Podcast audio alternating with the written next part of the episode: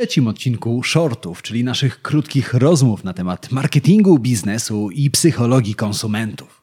Dziś porozmawiamy o technice perswazji, która sprawia, że konsumenci sami siebie przekonują do zakupów. Nikt nie lubi, gdy się go do czegoś namawia i przekonuje. Stajemy się wtedy oporni i defensywni. To nasza naturalna reakcja.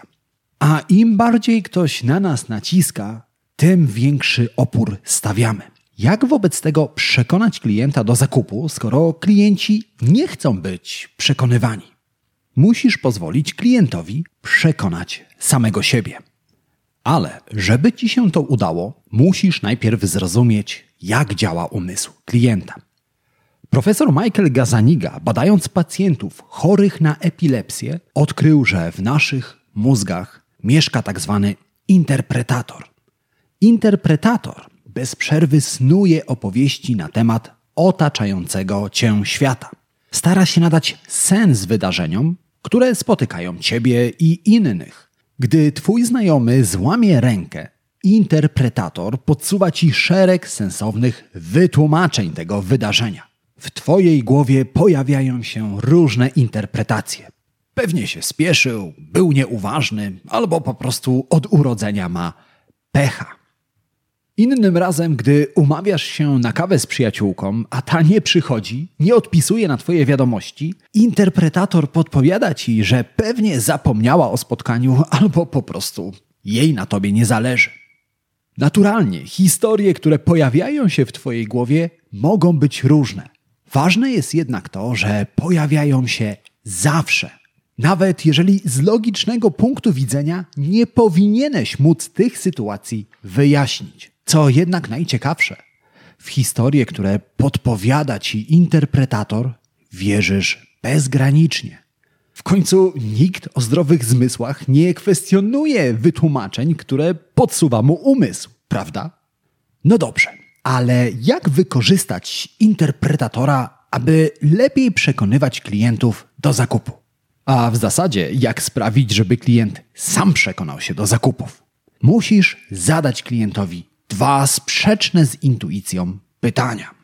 Załóżmy, że sprzedajesz samochód. Zamiast naciskać klienta, zamiast namawiać go do zakupu, zadaj mu pytanie. Na skali od 1 do 10, jak bardzo nie chcesz kupić tego samochodu?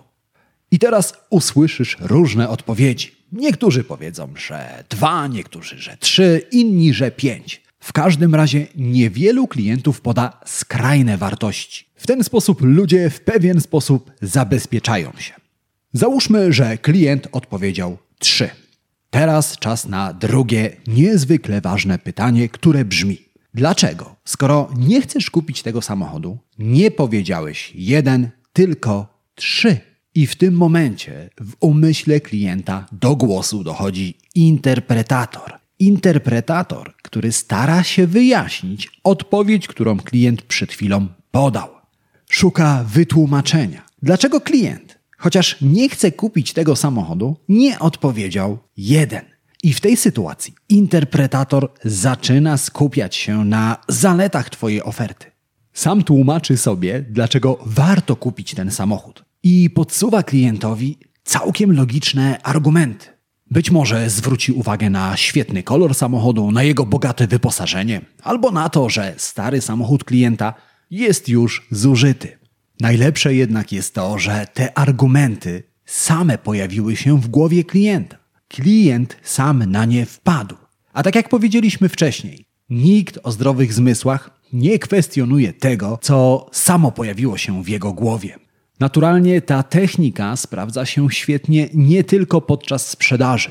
Za każdym razem, gdy chcesz przekonać kogoś do swojego pomysłu, do swojej idei, możesz z niej skorzystać. A teraz na skali od 1 do 10. Jak chętnie udostępnisz ten odcinek podcastu dalej?